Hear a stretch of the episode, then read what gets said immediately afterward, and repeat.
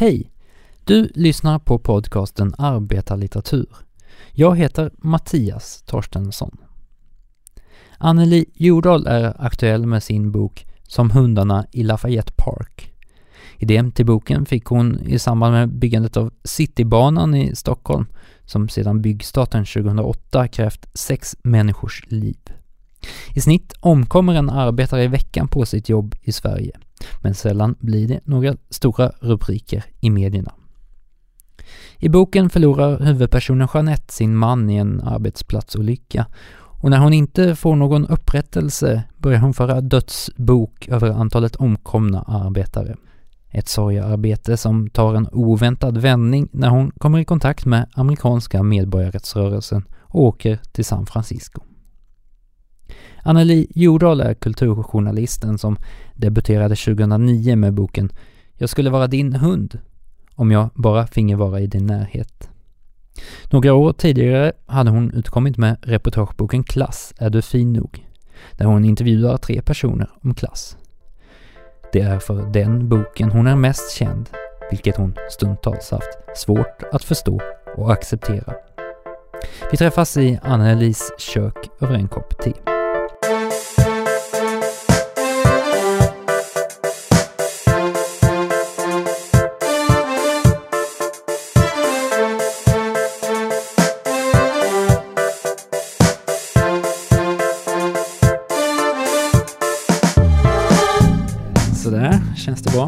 Mm. Och den är igång och allt är färdigt och bra. Perfekt. Ja, hej Anneli Jordahl och välkommen till podcasten. Hej. Boken, din senaste bok, Hundarna i Lafayette Park, där skriver du bland annat om arbetsplatsolyckor. Hur kom du på att du skulle skriva om det? Ja, det här med arbetsmiljö är något som har intresserat mig eh, länge. Jag tror att det har att göra med att min mamma var en av dem som slet ut sig och föll ifrån eh, på 90-talet. Hon jobbade i hemtjänsten och tyckte hemskt mycket om sitt jobb och trivdes väldigt bra i hemtjänsten. Eh, men så kom eh, svångremspolitiken och många kvinnor i offentliga sektorn föll igenom där. Jag har burit det med mig som en Uh, ja, det, det är en ilska och något sorgset att se en förälder fara så illa i sitt yrke. Dessutom till så låg lön. Um, och, jag, och jag har tänkt hur har människor det på arbetsplatsen? Och sen finns det något magiskt med skildringar av arbete. Vad gör folk på jobbet? De mest enkla jobb är ju, är ju liksom jättespännande när man får veta exakt vad de gör. Liksom. Från kontorsarbeten till dagis och, eh, och så. Eh, men eh, jag fick har ju sett hur arbetarklassen slits ner. De kan sakna ett finger. Eh, de har ryggverk. Och li livet blir väldigt hårt. Det blir väldigt inriktat bara på arbete. Det bryter verkligen ner. Så därav mitt intresse. Och när jag då märkte att, eh, att det var så många som omkom eh, på arbetet. Alltså i snitt är det en person i veckan som omkommer i sin yrkesutövning i Sverige. Och lokalt kan det ju bli en nyhet, men eh, i riksmedia så kan det bli en kort notis. Och då, det här har intresserat mig då att eh, eh, varför det inte ägnas mer utrymme att en människa faktiskt dör. Jag ringde runt till olika fackförbund och de sa att men vi är så vana vid det här. Vi, vi uppfattar det som att vi inte räknas som människor. Utan att man kalkylerar med att några av oss stryker med. Ett visst svinn får man ta. Och eh, det hände olika spektakulära saker vid den här stunden när jag funderade på vad jag ska skriva härnäst. Efter att jag hade skrivit en roman som utspelar sig på 50-talet. Låt inte den här stan plåga livet ur dig Mona. Eh, då eh, pågick Citybanan-bygget i Stockholm och eh, i ett stort uppslag i DN så berättade projektledarna om det här lyckade arbetet och allt hade gått efter beräkningarna och de skulle till och med kunna öppna Citybanan före utsatt tid. Och då blev jag rasande eftersom jag hade följt det där bygget och, och visste att sex personer hade omkommit. Och då tänker jag att eh, det måste vara ohyggligt att läsa eh, morgontidningen och se att allt har varit så lyckat. Ifall det är ens make eller ens bror som har omkommit. Eh, och en av mina favoritforskare, Beverly Skeggs, eh, har skrivit i sin avhandling Att bli respektabel, har hon skrivit att eh, media utövar eh, ett symboliskt våld mot arbetarklassen genom att i princip aldrig ge dem legitimitet. Uh, och eh, någonstans där fick jag idén om att skriva om en kvinna som sörjde sin man som hade omkommit på jobbet. Ja, du har sagt att eh, den här huvudpersonen, Jeanette, eh, det är en kvinna som eh, oftast inte skildras i litteratur eller media. Berätta. Mm. Eh, arbetarklassens kvinnor skildras väldigt ofta endimensionellt. Eh, jag har tänkt mycket på att det är medelklassens kvinnor, överklassens kvinnor som har den här ynnesten att få vara komplexa, de får vara lite spännande, de får vara lite elaka och roliga och, och, och, och schyssta och sådär som, som, som människor är. Man, man är allt på en gång. Men eh, Medan då arbetarklassens kvinnor alltid är eh, Ja, de står någonstans och rör vid någon gryta och säger tråkiga saker. Och man, man, alltså typexemplet är Kristin i Fröken Julie. Eh, hon, säger, hon är bara tråkig och säger tråkiga saker. Och jag har ju träffat så mycket spännande kvinnor i min uppväxt. Och Eh, ja, det kan vara min släkt och, och eh, um, ex-mäns släkt och sånt. Kvinnor i Ådalen och i Jämtland och i Dalarna och så som är jätteroliga. De läser, de liksom hänger med vad som händer i världen. De eh, kan vara lite elaka, ha snabba repliker, ha lite snygg frisyr och är måna om sina kläder och ehm, jag, jag tänkte att den här kvinnan måste jag bara skriva in. För hon finns knappt. Och då blev det Jeanette då, i min roman, som själv berättar. Det är en jag-roman. Vad tänker du om de här kvinnorna som inte då syns i, i litteratur och, och media? Hur påverkar det dem? Ja, det är ju sällan de går på teater eller ser någon tv-serie eller eh, läser någon bok och, och, och, och, känner igen sig. För att arbetarklassen i fiktionen eh, får ju ofta representera det som, som eh, alltså förlorarna i samhället. De har eh, eh, som jag tycker är någon, någon i, i själva verket någon mer underklass som kanske är arbetslösa och narkomaniserade eller prostituerade. Liksom. Men den här eh, anpassade, den skötsamma arbetaren eh, blir nästan aldrig fiktion. Och jag tror att skälet till det är att det är medelklassen som bestämmer utbudet och bedömer eh, vilket som ska, ska ges ut och, och vilket som anses ha något värde och de vill ha en arbetarklass som de kan förfasa sig över. Och, och liksom att kika in i något, ja en sorts arbetarklass som en sorts peepshow. Men då när du synliggör de här människorna och eh, det finns en chans för människor att känna igen sig i din karaktär. Vad får det för effekt tror du? Uh, jag hoppas att... Det är så svårt att veta det här, vem som läser ens böcker. Men jag hoppas ju verkligen att det kan vara en och annan som har uh, Jeanettes uh, uh, liv och bakgrund och får lite råg i ryggen och känner sig lite bra. Det är ju det här eh, eh, Ja, att få en slags bekräftelse. Jag menar medelklassen blir bekräftade hela tiden. De behöver aldrig tvivla på att de, att de finns och syns.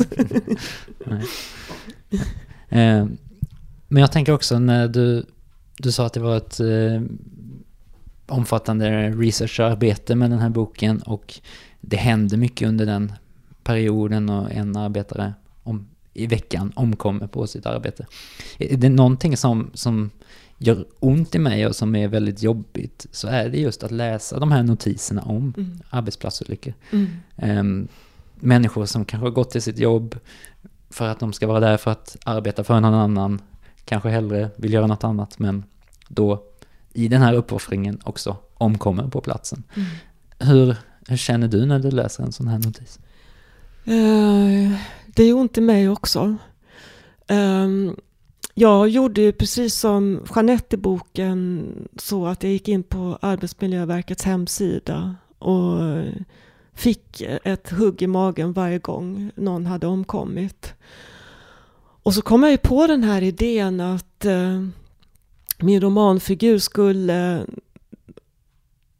för att hedra de här människorna och, för, och också för att bearbeta sin egen sorg köpa en vacker bok och eh, skapa de här, en sorts de omkomnas encyklopedi. Att de kanske inte finns offentligt i någon, något nyhetsflöde, men de finns i alla fall i Jeanettes dödsbok.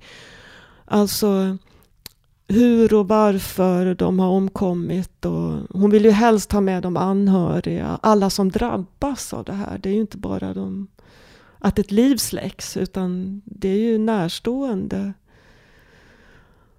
Och eh, nyligen hade Uppdrag granskning en, ett, eh, ett, ett inslag om en ung kille som eh, Eh, kom från Hälsingland, Färila och som åkte ner och jobbade på byggen i Stockholm. De var flera, det är liksom sådär gammal arbetarsamhälle och där finns inga jobb. Men man åker ner till Stockholm och jobbar på olika byggen. Och precis då hade en inspektör eh, underkänt en trappa och sagt att ni kan inte använda den här trappan för den är felkonstruerad. Eh, Peab eh, valde då att hålla tidskalkylen och trappan rasade och där under låg den här unga killen från Färila. Alltså jag, det, sånt knäcker mig. Jag tycker det är förfärligt. Och om man då tar parallellen när eh, DNs eh, fantastiska fotograf Paul Hansen eh, blir skottskadad i Mosul. Alltså jag satt med hjärtklapp, hjärtklappning vid Aktuellt och Rapport och läste massa artiklar och ska han överleva och så vidare. Så tänkte jag att det är ju så här det ska vara. Det är ju förfärlig arbetsplatsmiljö som utrikeskorrarna har. Ehm, men händer något så är ju alla med och eh, följer det och, och lider med honom. Och så. Men en arbetares liv släcks så finns ingen där i offentligheten. Mm. Eh, du lyckades ju du är ganska samtida i den här boken, skriver om en väldigt aktuell fråga och det är också en... Eh, boken bygger på autentiska arbetsplatsolyckor under det året som den utspelar sig helt enkelt, och det året du skrev den. Eh, hur var det att skriva så samtida? Det tyckte jag var fruktansvärt svårt för att jag har hittat någon, det här är min fjärde roman och, och med arbetet med tre romaner så hittade jag någon slags att jag var bekväm och kände någon slags identitet i att eh, skriva historiska romaner. Arbeta med miljöer och försöka få det någorlunda trovärdigt att kliva in i liksom, slutet av 1800-talet eller 50-talet. Men att arbeta med nutid och skriva som nästan i direktsändning som jag gjorde. Eh, alltså jag lyssnade till exempel då på skotten i Ferguson när unga Michael Brown, afroamerikan, blev skjuten av en polis. Och jag skrev in det direkt i romanen. Och samtidigt så var jag så medveten om att jag höll på att kanske skapa mitt största magplask rent litterärt. Därför att det är väldigt svårt att, och, ehm, att bedöma det absolut dagsfärska och väva in det in i en berättelse. Det kan vara någonting som är slitet redan efter tre månader. Som ingen verkligen vill läsa för att det redan nu är passerat på något vis. Och Nej, det var, jag, jag har nog aldrig skrivit om så mycket och haft så många olika utkast och strukit så mycket och lagt till. Och, ja, det var verkligen en möda. Uh, och sen det här att få ihop då den här jag-berättaren uh, eh, som har slitit ut sig i hemtjänsten med uh, The Black Panther Party och få det trovärdigt. det krävdes liksom hårt arbete. Och sen ser det sådär lite, när det väl är klart, ser det sådär lite lätt ut. Som att man liksom bara krafsar ihop det där. Men det, det ligger hårt arbete bakom. Mm.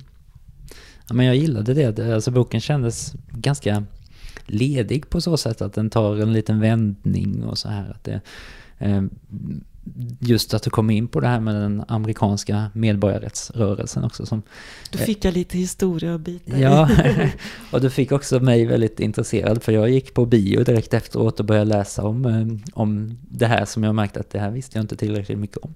Mm. Ehm, så det var väldigt inspirerande att, att eh, få det genom boken just. Och, som jag kanske inte hade förväntat mig när jag läste på baksidan. Och så. Det är ju lite av, hon gör ju lite av en bildningsresa Jeanette-boken. Och min förhoppning var ju att, eh, att också läsaren skulle tycka att det var spännande att följa henne när hon går i Svarta pantrarnas fotspår. Och det här upplever jag, det blir ganska mycket ett eh, Jeanettes räddning på något sätt. I sorgarbetet så, så hittar hon ett forum där hon kan vara solidarisk och liksom arbeta ihop med andra för någonting. Och hon får en mening med sitt liv. Ehm, hur ser du just på den eh, aspekten? Med, är det viktigt med ett engagemang för att, eh, för att känna sig tillfreds med sitt liv trots de här svårigheterna? Det är nog eh, olika för olika människor. Men för Jeanette här så, så hon bröt någonting. Sorgen går väl aldrig över. Det gör det inte. Inte ilskan heller.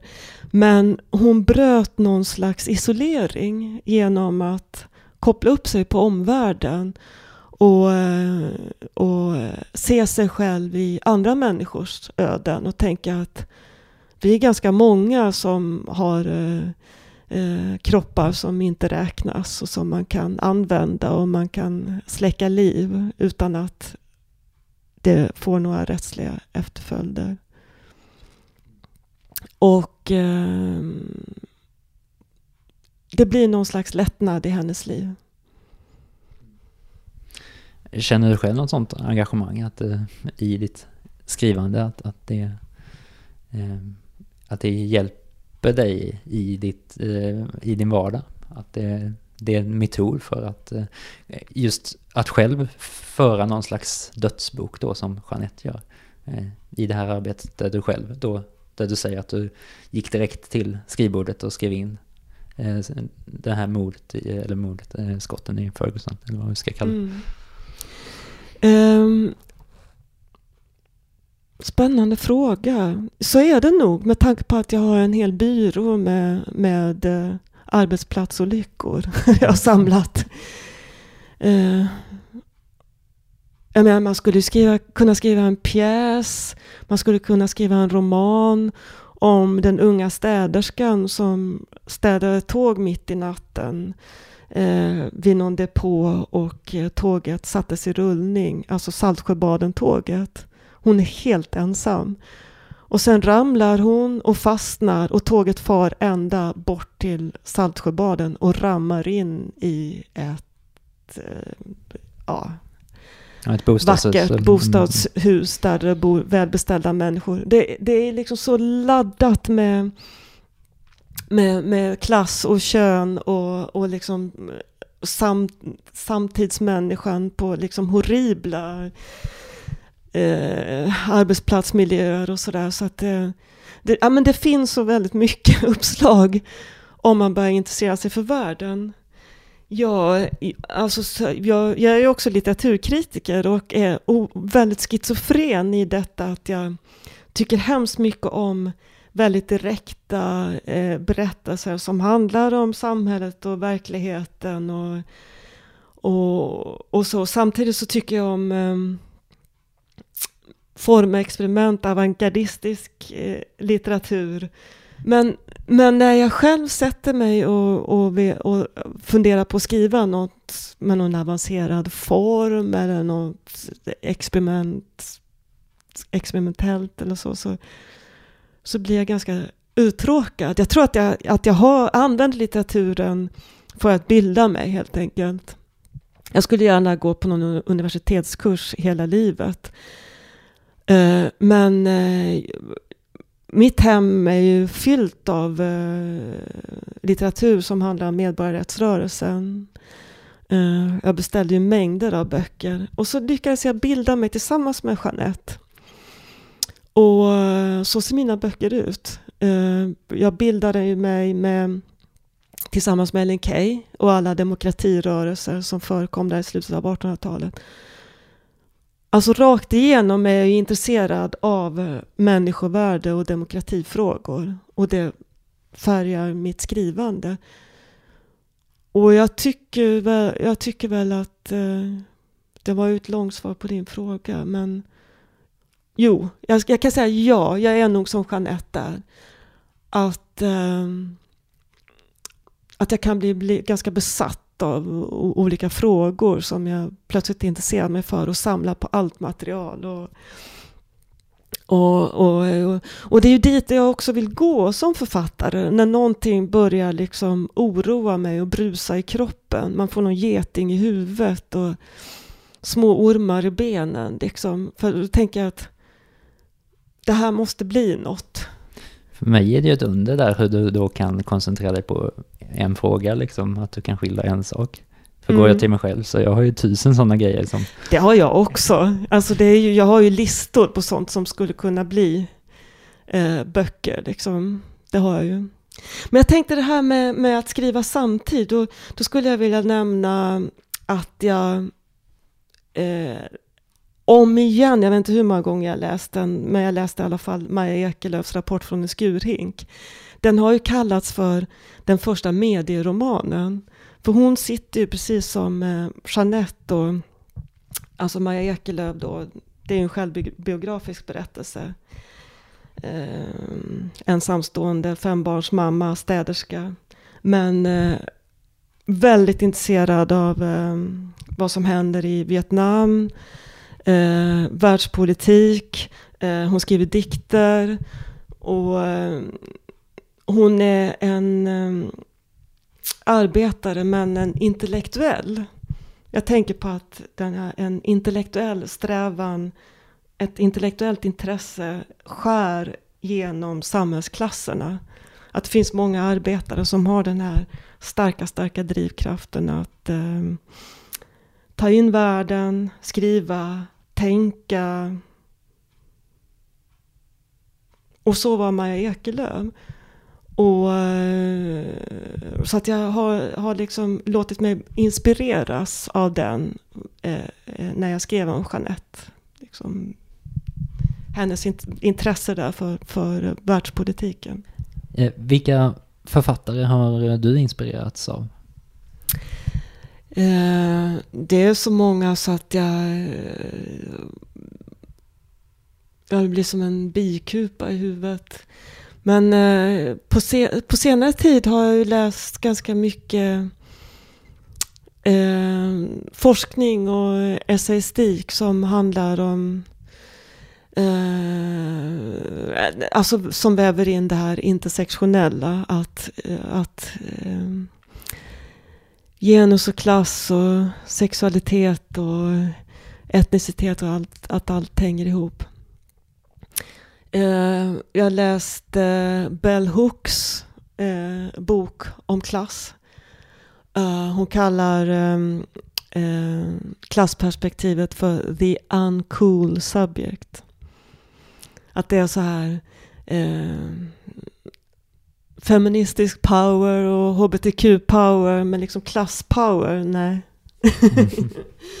men någon måste hålla på med the uncool subject. och det har jag tänkt, det har ju blivit mitt öde. Och hon väver ihop det här på ett fullständigt eh, drabbande vis. Hur hon kommer från enkla arbetarklassförhållanden och började studera på universitetet. Och hon är eh, eh, afroamerikan. Och eh, det blir ju en dimension till eh, när man ska dela rum då med, med en annan eh, student och ingen vill dela rum med henne. Alltså det blir helt svindlande. Eh, så att det är liksom, och sen dessutom kvinna. Så hon hamnar ju sen på väldigt hög nivå som svart kvinna kommande från arbetarklassen. Eh, och det är de berättelserna som fascinerar mig väldigt mycket nu. Och eh, jag började läsa Sara Ahmed eh, som ska prata nu på, på Södra Teatern här i, i Stockholm nu i veckan. Alltså hon som skrev Vithetens hegemoni. Och eh, numera gör jag så när jag går på någon stor kulturfest här i Stockholm så ställer jag mig på tröskeln och så säger jag för mig själv vithetshavet. Och sen förstår jag precis hur det känns. För alla är väldigt vithyade. Sen går det några mörkhyade människor och fyller i glasen och serverar. Och ehm, um, Tanehisi Coates uh, essäer kom ganska nyligen. Eh, som är inspirerad av James Baldwin. En av de stora medborgarrättsaktivisterna och författarna i amerikansk 1900-tal och så. Där någonstans är jag nu. Eh, mm. du, ja, precis. Men det är lite vad du berör i boken också. Där, där handlar det om både klass och etnicitet och, och, och kön. Mm, mm. Allt det, att det hänger ihop. Och jag har ju, sen min bok Klasser är fin nog kom 2003 så har jag åkt runt ganska mycket och pratat om klass. Eh, och jag är en av de som har avlastat Jan Greider. Mm. Eh, och eh, alltså på folkhögskolor och konstnärliga utbildningar och så vidare. Och så, nu har klassbegreppet verkligen breddats. För dels då tar jag upp eh, Mikael Holmqvist 700-sidiga bok som heter Djursholm. Han är uppvuxen i Djursholm och berättar liksom hur, vad man får för uppfostran när man präglas till att ta över hela samhället. Det är en fantastisk klasslitteratur. Um, och, och sen finns också, jag har liksom Svart kvinna, jag har eh, eh, skribenterna bakom sajten Rummet som problematiserar det här med klass och hudfärg och så, som är lite tabu i Sverige fortfarande. När jag åkte till San Francisco eh, och gjorde research för romanen och gick på konferenser och olika kurser jag menar, där pratar man women of color. Um, och det, det gör man inte riktigt här. Här är det så här, vi tal, här talar vi inte om hudfärg och då går det liksom bort. Sen kan liksom människor som är mörkhyade eh, liksom gå ner på torget och bli fullständigt misshandlade på grund av bara av hudfärg. Liksom. Eh, och de människorna tycker naturligtvis att det är oerhört provocerande när det då anses att det inte är ett relevant perspektiv. Jag tänkte fråga just om, om klass, eh, boken, eh, Är du fin nog? Jag la upp den, jag läste den för några veckor sedan och då la jag upp en bild på Instagram. Och jag har nog inte fått så mycket kommentarer på någon bild som jag lagt upp. Vad är det med den här boken som, som berör så många? Ja, det där analyserar jag fortfarande. Eh, den kom som sagt 2003 och då fick jag veta Eh, på massor av olika håll att det här är inte ett relevant begrepp. Vi använder inte det längre. Det är passerat. Det användes på 70-talet och en gammal unken marxistisk term. Nu eh, de maktanalyser som vi gör numera eh, handlar om eh, genus och etnicitet. Och, men sen visade det sig när den här boken kom ut att, att alltså, jag fick ett enormt gensvar. Och fortfarande är det så att när jag åker runt och pratar om mina romaner och är lite småmallig över att i alla fall till slut lyckades skriva skönlitterärt, vilket var min dröm redan som ung. Eh, så kommer folk fram och säger liksom, jag skulle vilja tacka dig. Så är det inte för romanen om Ellen Key, utan det är, jo du skrev en bok om klass. Men känns det lite jobbigt att det är, är så stort fokus på den? alltså ibland känns det lite jobbigt för att jag vill ju vara i skönlitteraturen nu. Men sen inser jag då att okej, okay, jag har skrivit en bok som har fått betydelse för, för uppenbarligen ganska många människor och det är den och då får jag vara glad för det. Och det roliga med den är ju Eh, just det här att när, när det kommer fram unga människor och även äldre som säger att de kände sig sedda och bekräftade och fick lite råg i ryggen när de läste den. Um, för att uh, Ja, det, det är erfarenheter som har malt runt i kroppen som de har eh, känt att det här kan man inte prata om. Hur känner du inför att få den rollen då som någon som tröstar eller bekräftar? Ja, det, det är lite dubbelt. I början var det ju så att många ville kom till mig och ville berätta sin egen historia. Och det där måste man hantera, för till slut blir man en oavlönad psykolog. Uh, och samtidigt som det var väldigt häftigt att få ta del av de här historierna. Och, eh, och jag lärde mig ju en del, alltså jag kunde ju använda det sen i fortsatt skrivande. Alltså jag fick ju mitt min syn på klass blev ju breddat och vidgat och så. Efter att ha träffat folk i hela landet. Ehm, men eh, nackdelen med den är att fortfarande är det väldigt få kritiker som kan skriva mina romaner utan att inleda med klass är du fin nog. Och det tycker jag är tråkigt. Jag har inga problem med med att vara en klasskildrare för, för det är jag ju. Men det är ju typ alla författare om man tittar i bokhyllan. Duras är det, Dostojevskij är det. Jag menar, det går inte att skildra mänskliga relationer utan att man har en klassdimension där.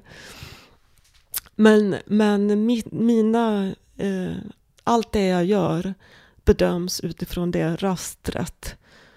Och man skulle lika gärna kunna säga att jag är en författare som skriver historiska romaner eller en feministisk författare.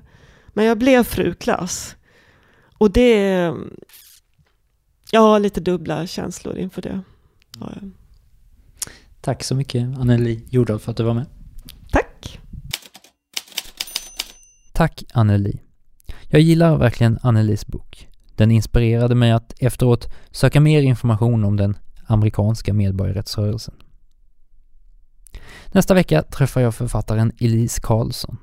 Efter succén med boken Linjen är hon nu aktuell med sin senaste bok Klass. Hennes egen skildring av förorten. Det blir det sista avsnittet för den här säsongen. Men du behöver inte misströsta. Jag kommer under sommaren producera nya avsnitt att publicera i höst och du kommer kunna följa arbetet hela sommaren via sociala medier. Så du slipper mig inte. Men som sagt, vi har ett avsnitt kvar. Du hör det nästa vecka. Tack för att du lyssnar. Vi säger så.